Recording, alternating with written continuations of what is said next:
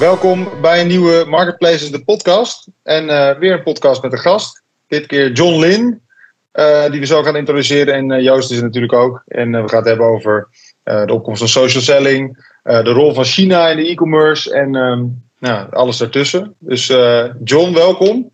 Ja, dankjewel. Wie ben je? Wat doe je? John Lin, Nederlands geboren Chinees. dus ouders in de horeca, lekker stereotyp. maar zelf de e-commerce opgegaan. Uh, dus hiervoor uh, zes jaar bij Bob.com gewerkt, onder andere op uh, de strategieafdeling. Dus helpen, de directie helpen keuzes maken op de lange termijn. En uiteindelijk, naast de twee jaar, begon het ecosysteemteam. Helpen opzetten, want we leerden, oh ja, naast Bob.com de marketplace heb je natuurlijk allemaal kleinere partijtjes die logistiek verlenen, marketingdiensten, boekhoudpakketten. Eigenlijk allemaal apps en mhm. diensten die al die e-commerce professionals verder kunnen helpen te groeien en te schalen. Dus dat helpen opzetten. En het laatste jaar uh, voor mezelf begonnen als uh, spreker en uh, hier en daar als consultant. Hey, en waar is de laatste keer dat je gesproken hebt? bij Friesland Campina. Oké, en waar, waar, ging dat over? Over ja, eigenlijk ook e-commerce in China. we verwachten het niet, maar Friesland Campina haalt gigantisch veel business uit China met hun melkpoederproducten. Dus dat ja, is een hele belangrijke. Ja. Dat is een hele belangrijke groeimarkt voor ze. Dus zij wilden dus goed eh, begrijpen wat er allemaal gebeurt. Uh, en de cultuur is daar heel anders. Want in China zeggen ze eigenlijk dat ze in Nederland te langzaam innoveren. En in Nederland zeggen ze dat ze in China zo chaotisch zijn.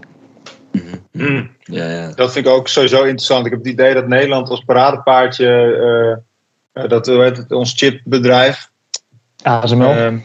ASML. En dat dat, zeg maar, als we het hebben over innoveren, ja, maar we hebben ASML. En uh, ja, onder, onderaan de streep valt het misschien ook wel een beetje tegen. Maar dat, dat, dat is dat caseïne, dat wijpoederen, wat allemaal naar die babyvoeding dingen gaat, volgens mij. Ja, ze hebben melkpoeder helemaal opgeknipt in allemaal kleine elementen, een bepaalde type proteïne. En uh, dat, ja. dat, is echt een hele kleine techstukjes opgeknipt wat ze los verkopen. Echt heel indrukwekkend. Ja. Ja, interessant. Maar is dat ook echt e-commerce related? Of gewoon meer van helpen de Chinese business te begrijpen, omdat die zo drastisch anders is dan de Nederlandse? Ja, dat is super e-commerce related. Want zij doen okay. vooral B2B en al hun B2C klanten, dus die daadwerkelijk een, een protein shake powder maken van hun product, die verkopen vrijwel alles online op China. Uh, dus hm. dat gaat daar via de social kanalen, via de platforms. Uh, dus zij moeten die markt snel begrijpen om te kijken, hey, hoe kunnen we die data terughalen naar onze ontwikkeling. Ja, ja. Nou, genoeg daarover. hey, maar John, uh, ja, ook welkom vanuit mij. Want uh, ik, heb jou uh, natuurlijk leren kennen in de tijd dat ik ook bij Bol werkte. En dat was, een was, was, was altijd leuk om met jou te praten. Um, en, en je hebt al meerdere interessante lezingen gegeven. En ik denk ook voor de luisteraar voor vandaag, het is reet interessant om, om, om vandaag even goed op te letten over wat, wat er besproken gaat worden. Want we, we gaan vandaag eigenlijk um, ja, wel wat topics behandelen die echt wel de komende vijf jaar heel belangrijk kunnen zijn voor uh, de verandering van hoe de marketplace wereld zich gaat ontwikkelen en hoe je de klant met jouw product kan bereiken. Um, dus ja, laten we daar gewoon lekker op uh, ingaan vandaag. Laten we gewoon vooral bij het begin beginnen. Uh, zoals we al gezegd hebben, we willen eigenlijk het zo aanpakken dat we eerst TikTok behandelen. Vanuit daaruit social media bekijken en de relatie tot marketplace. En vanuit daaruit kijken naar hoe China zich gaat ontwikkelen. Hey John, we hadden het er net al even. Ja, als jij uh, naar TikTok en, en de marketplace van TikTok gaat, gaat kijken, zou je eigenlijk een stapje terug moeten doen. Om ook weer te kunnen analyseren wat bij TikTok uh, gebeurt. En dat je eigenlijk de marketplace dynamiek beter uitlegt. Klopt hè? Ja, ja zeker. Dus eigenlijk wat bijzonder is, wat je in China de laatste drie jaar hebt gezien, is dat TikTok eigenlijk uh, zich in retail ge gewurmd heeft. Zij waren ongeveer vijf, zes jaar geleden opgericht in China en daar heet het Douyin. Toen hebben zij in drie jaar tijd zijn ze gegroeid van 0 naar 800 miljoen gebruikers. En die gebruikers zaten eigenlijk alleen maar video's te scrollen. En drie jaar geleden, dus drie jaar daarna, hebben zij retail toegevoegd. Dus ineens kon je ook producten kopen die, die, die je in die video's zag. En ze hebben nu in drie jaar tijd 15% marktaandeel binnen e-commerce gepakt. En die 15% is voornamelijk ten koste gegaan van Alibaba met hun Taobao en Tmall-platformen. En, is dat TikTok? Uh, ik zag laatst toevallig een filmpje van, dat was ook weer viraal gegaan over een, uh, een Chinese dame die eigenlijk elk een product uit een ding haalde, dat drie seconden liet zien en dan weer doorswipte. Is dat, valt dat ook onder het hele TikTok-concept? Ja, zeker. Dus eigenlijk wat TikTok gedaan heeft is, uh, je hebt gewoon een social platform à la Instagram of wat TikTok hier in het Westen is. Eigenlijk alleen maar video's, gewoon allemaal shortform video. En wat TikTok gedaan heeft is eigenlijk gewoon tools toevoegen, zodat retail, zodat ja, transacties worden, kunnen worden gedaan. Dus je hebt TikTok Pay, dus je kan je bankpas koppelen zodat automatisch incasso geregeld kan worden. Dus je hoeft, oh. niet meer, je hoeft niet meer ideal te doen. Het wordt gewoon automatisch afgeschreven. Of van je creditcard. Voor een consument, zeg maar. Voor de dus- dus- consument. ja. Oké. Dus, dus, dus dat is nog drempeliger dan ideal, een QR-code scannen, zeg maar. Ja, je hoeft, uh, dat je, betalen zit helemaal op de achtergrond. Hoef je niet druk over te maken. Nou, je hebt dan natuurlijk je adresboek. Dus je laat je adres in. Want ja, alles gaat meestal vanuit één, uh, één huisadres. En uiteindelijk uh, wil je dat die verkoper, de verkopende kant, een mooie omgeving heeft om zijn winkeltje te beheren. En je ziet hier in het Westen dat TikTok al natuurlijk koppelen met Shopify en WooCommerce. Dus je kan heel makkelijk je content zo inladen naar TikTok. Uh, maar het mooie is, zij hadden natuurlijk al content. Al die mensen die producten laten zien, video's streamen, reviewtjes doen in een minuutje. Uh, en ineens zie je een knopje, een bubbeltje omhoog. Ja, je kan het product kopen. Klik je erop. Heb je het besteld. En dan komt het naar je huis. Uh, ja, TikTok zelf snapt niks van retail. Maar dat doet die verkoper wel. Want die heeft gewoon een webshopje ja. draaien. Die heeft een fulfillment draaien. Een klantenservice. Dus die stuurt het product op. Net als dat gebeurt op een bol.com of van Amazon. Ja, ja, heel interessant. Ja. Weet je al hoe ver, hoe ver dit nu in Europa is uitgerold, uh, dat hele principe? In de UK zijn ze natuurlijk ver uh, begonnen, ja, of nu? In de UK zijn ze begonnen. Amerika zijn ze nu ook langzaam uitrollen. Nou, het grappige is, als jij nu uh, een feed management tool installeert. De meeste hebben de TikTok API's al gekoppeld. Dus in ja. Shopify en WooCommerce is, is een paar drukkers de knop. En je hebt je content overgeladen. je producten, je catalogus in TikTok. Dus ze, hebben, ze beginnen hier aan de, aan de aanbodkant. Je moet eerst aanbod hebben en daarna gaan klanten vanzelf wel klikken. Want die klanten zitten er toch al. Ja, ja dat, dat is ook wel iets onderscheidends hoor. Want eh, er zijn best wel veel bekende namen marketplace voor de afgelopen jaar. En de integratie uh, is vaak heel stroef verlopen. Of zelfs als je een API-koppeling hebt, is het nog gedoe. En zij, zij zijn daar zich bewust van en maken dat ook die kant eigenlijk zo, um, ja, zo, zo low friction uh, als het maar kan. Jazeker, en dit is iets wat ze gewoon in China geleerd hebben. Want je ziet, ja. je ziet in China ook meerdere shopsystemen. Je ziet China grote marketplaces. En ja, je, kan, je komt gewoon op het punt van... oh ja, je verkoopt nu op Alibaba. Weet je, oké, geef ons toegang en wij trekken ja, daar de catalogus leeg. En zetten dat gelijk in TikTok. Uh, hetzelfde, zag je, hetzelfde zie je hier ook gebeuren met Uber Eats. Als jij als restauranteigenaar op thuisbezorgd verkoopt... dan uh, zegt Uber Eats, ik trek de catalogus daar leeg. En dan uh, staat alles bij mij al online. Dus je wilt dat soort stappen voor ondernemers zo makkelijk mogelijk maken. Ja, hey, insane. En um, laat maar direct de vraag stellen waar ik al een tijdje mee zit in mijn hoofd. Want dit is natuurlijk, ja, op zich klinkt al heel mooi uh, voor de consument en, en ja, innovatieve ontwikkeling. Maar wat gaat het nou van impact hebben op de traditionele marketplaces zoals een bol.com en Amazon? Kan je ja. dat overzien? Ja, dus dat is redelijk. Het kan veel impact hebben, dat is zo zeggen. Want waar TikTok of waar elk social media bedrijf, ook uh, Meta met Facebook en Instagram, heel goed in zijn, is om een klant zo lang mogelijk in een app te houden. Dus een, een, hele, een hele trouwe Amazon of bol.com klant die uh, Select of Prime heeft, weet je, die komt misschien twee keer per week terug en die spendeert, ja, als je een hele goede plan bent, 3.000 tot 5.000 euro per jaar. Maar je komt twee keer per week terug voor misschien vijf minuten per keer. En dan kijk je naar Meta, Meta met haar platformen. Een goede klant zit daar 90 minuten per dag. Kijk naar TikTok. Een goede klant ja, zit daar. TikTok heeft twee uur per dag, 120 minuten. Ja, ik zie het bij mijn vriendin ook uh, gebeuren. Dus eigenlijk wat je zegt is de insteek van een marketplace is juist zo snel mogelijk een klant het product laten vinden, klikken, converteren. daar worden de, de, experimenten opgedraaid, de, de, de, conversion rate optimization. En van TikTok is het helemaal de andere kant op. We willen gewoon dat je zo lang mogelijk blijft hangen. En in die tussentijd kunnen 20 retailers jouw producten onder de aandacht brengen, um, die je dan ook nog eens kunt kopen. Ja, precies. En het interessante is, je ziet marketplaces nu de shift maken. Dus Amazon staat erom bekend dat ze eigenlijk weinig op retail verdienen en vooral op advertising. Uh, nou zie je dat de bol.com's advertising groot aan het maken zijn. Uh, ja. uh, Allegro is dat aan het doen. Alle grote Europese partijen zijn advertising als businessmodel neerzetten, retail media. En je, je merkt dat dat soort bedrijven intern ook hun KPI's moeten wisselen. Oh ja, het gaat niet meer om conversie. Ik moet zoveel mogelijk ads gaan verkopen. Dus die gaan ook op tijd optimaliseren. Uh, maar je merkt dat, dat dat voor hun lastig is. Want alle infrastructuur die ze opgebouwd hebben, was conversie gedreven. Ja.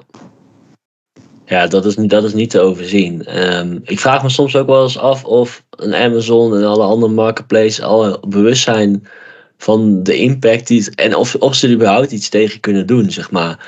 Maar wat ik ook vooral zie is een, een, een klant die zometeen.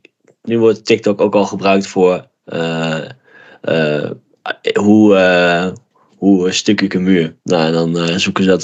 De nieuwe, nieuwe generatie schijnt dus dat allemaal op te zoeken. Of weet ik veel, hoe plak ik een band. Iedereen, die generatie zoekt het allemaal op op TikTok.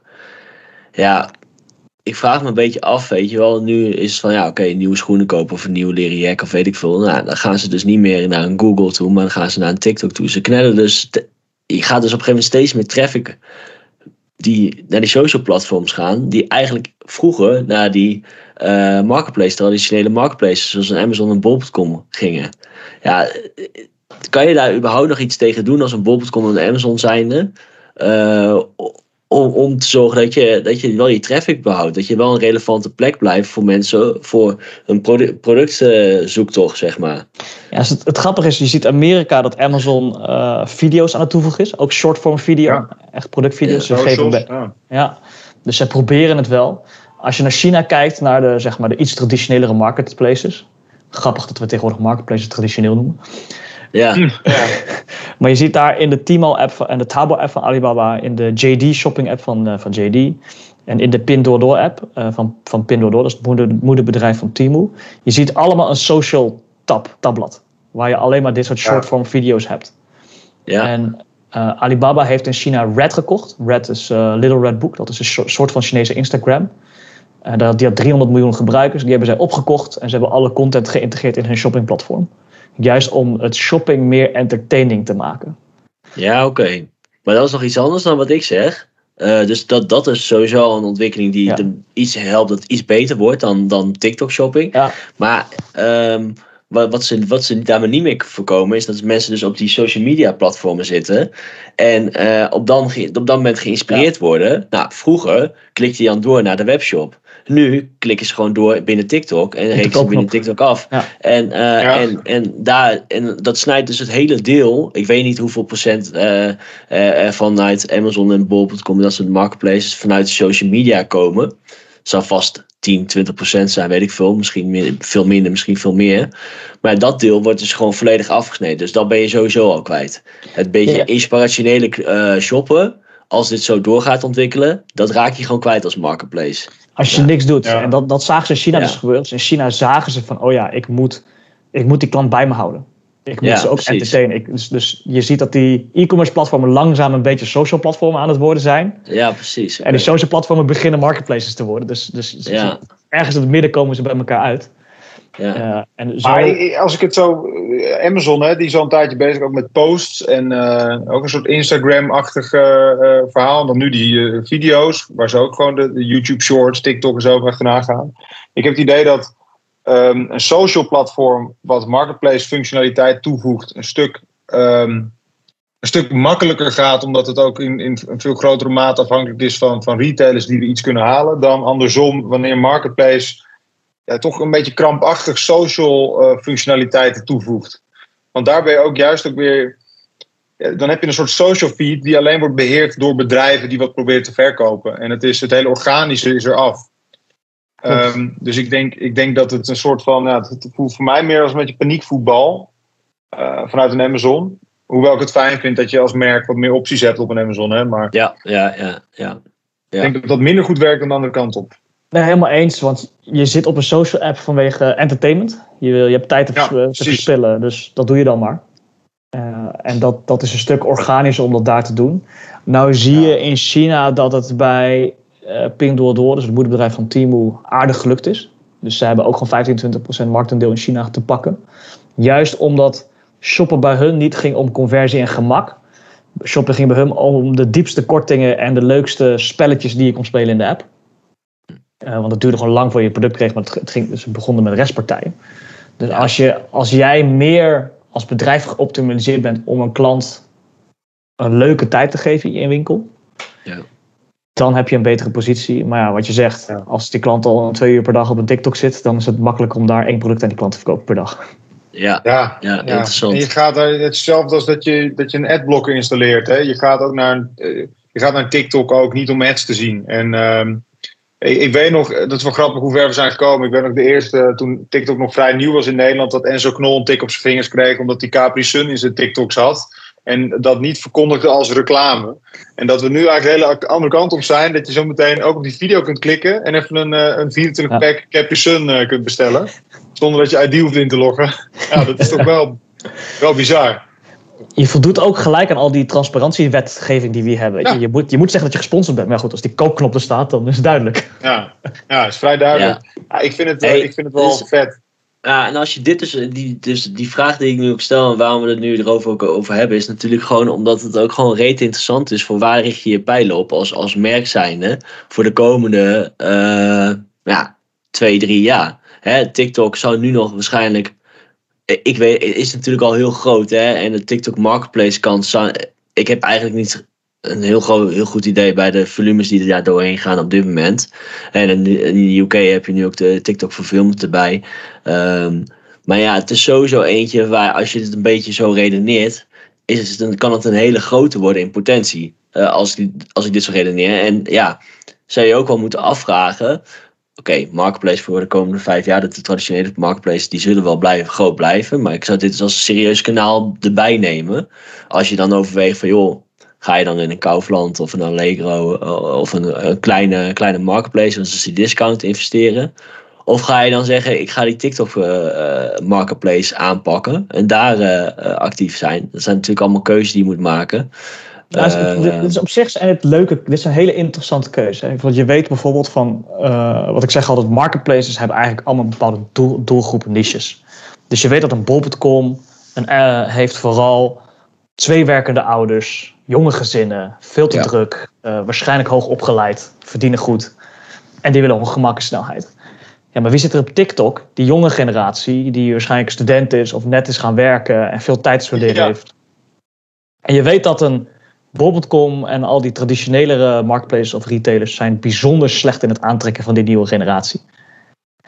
Ja, TikTok heeft die wel. Dus als jij een merk hebt of een brand en je wil die generatie aansluiten, aan, ja, engagen, dan weet je dat, dat je daar je tijd in moet stoppen.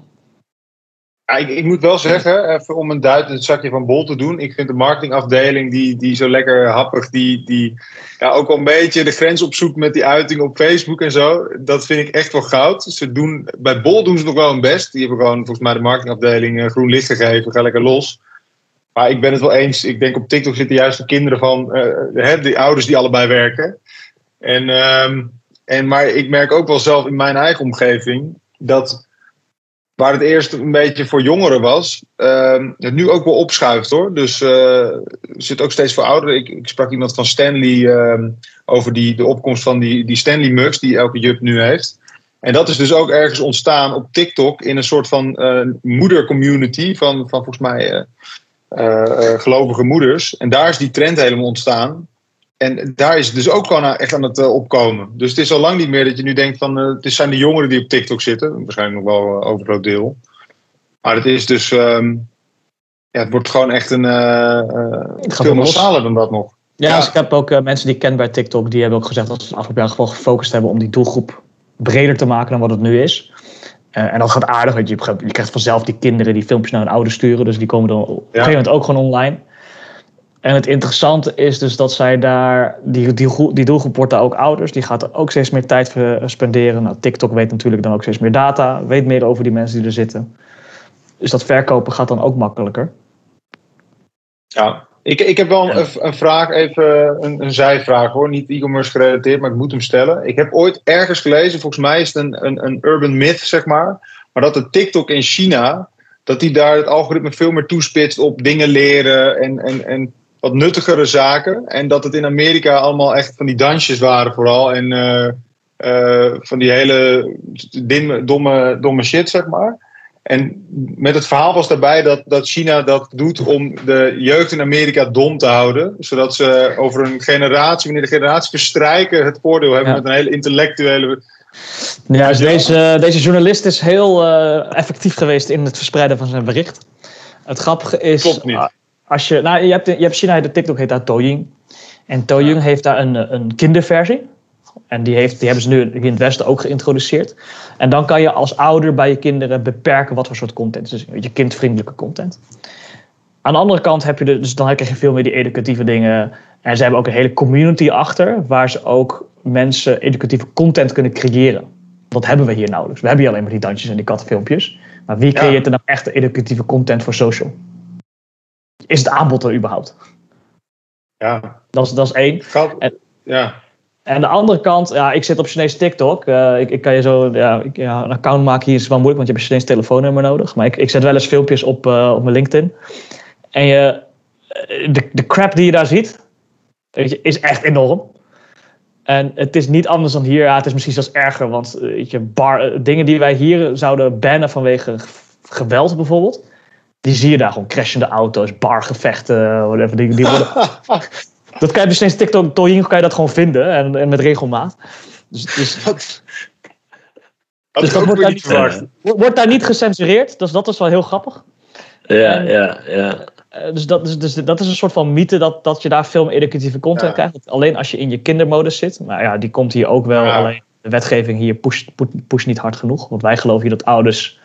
Wij geloven hier dat ouders zelf hun kinderen kunnen beschermen. En China geloven ze. Die techbedrijven zijn te machtig. Die ouders staan geen, die staan geen kans.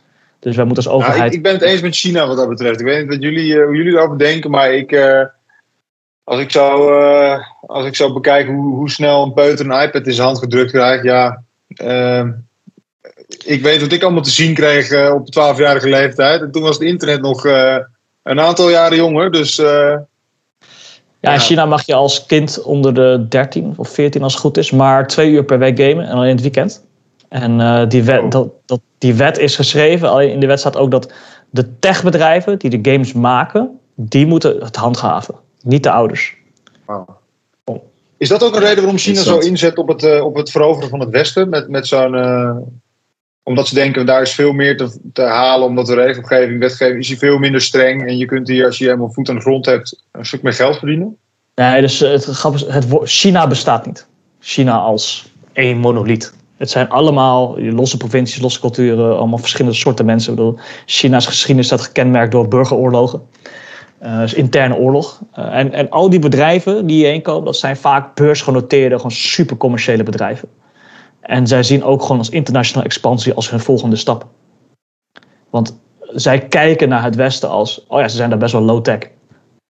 Weet je, we, we zien nu talloze Chinese auto's op de weg rijden. Zij kijken ook naar die westerse autofabrikanten ja. met, oh ja, wij lopen echt voor op onze technologie. Dus volgens mij als we daarheen gaan, winnen we makkelijk. Uh, ja, precies. Oké, okay, interessant. Hey, zo, even, zo ziet TikTok het ook. Zo ziet TikTok het dus ook. Van hey, we zien. Uh, je hebt ja. een inter interessant boek over hun. Uh, de Attention Factory. En waar TikTok heel vroeg. Het was een groepje studenten. Ze studeerden in Beijing. Een beetje data science achtergrond. En ook gewoon een tech achtergrond. Allemaal beta's. En zij zagen. Zo, ze zaten ergens in de hoofdstukken. staat een hele mooie analyse van de westerse social media. Die hadden zij gemaakt. En ze zeggen: Oh, wacht eens even. Als je in het Westen een social media algoritme moet laten leren. Die kijkt naar waar ben je op gesubscribed, wie volg je, wat like je, uh, wat doe je vrienden. Dus het is daar, ze zeggen daar, de, de gebruiker, de consument, zoekt content. En dat gaan we serveren. Hetzelfde eigenlijk hoe retail werkt. De consument zoekt een product en de retailer gaat het zo snel mogelijk geven en laten afrekenen. Ja, precies. terwijl, ze, terwijl ByteDance, dus dat bedrijf achter TikTok, die zei... Ja, maar volgens mij is, moeten we dit andersom doen. Want wij, wij weten na een paar minuten wat voor type klant er achter dat telefoon zit. En dan kunnen we in onze gigantische database aan content gewoon dingen gaan voor, voorserveren. En vanuit daaruit leren of het succesvol was of niet. Dus echt als AI-algoritme het werk laten doen. Ja. Dus je hoeft niet iemand te volgen, je hoeft niet subscribe te zijn, je hoeft nog geen vrienden te hebben. Maar na een paar minuten leert dat algoritme wat voor content jij leuk vindt. Dus het is meer push dan pull. En Alibaba zegt hetzelfde over hun producten. Hij zegt, ja, wij hebben 5 miljard producten in onze catalogus. Een klant weet echt niet wat hij zoekt. Wij weten beter, ons algoritme weet beter wat die klant zoekt. Dus wij duwen alles door die recommendations heen. Ja. Uh, en ja, TikTok doet het nu hetzelfde met retail, met de producten. Ja, dat, dat is zo krachtig aan, aan dat TikTok-mechanisme. Ja, ik had het al eens, misschien heb jij het zelf mij een keer, nog een keer eerder uitgelegd, maar dat is echt rete interessant. Zo'n zo andere manier van het benaderen. En dat, ja, is, is, is überhaupt Instagram dit nu ook op die manier aan het doen? Want dus je ziet gewoon dat het veel effectiever is. Weet je dat toevallig, John?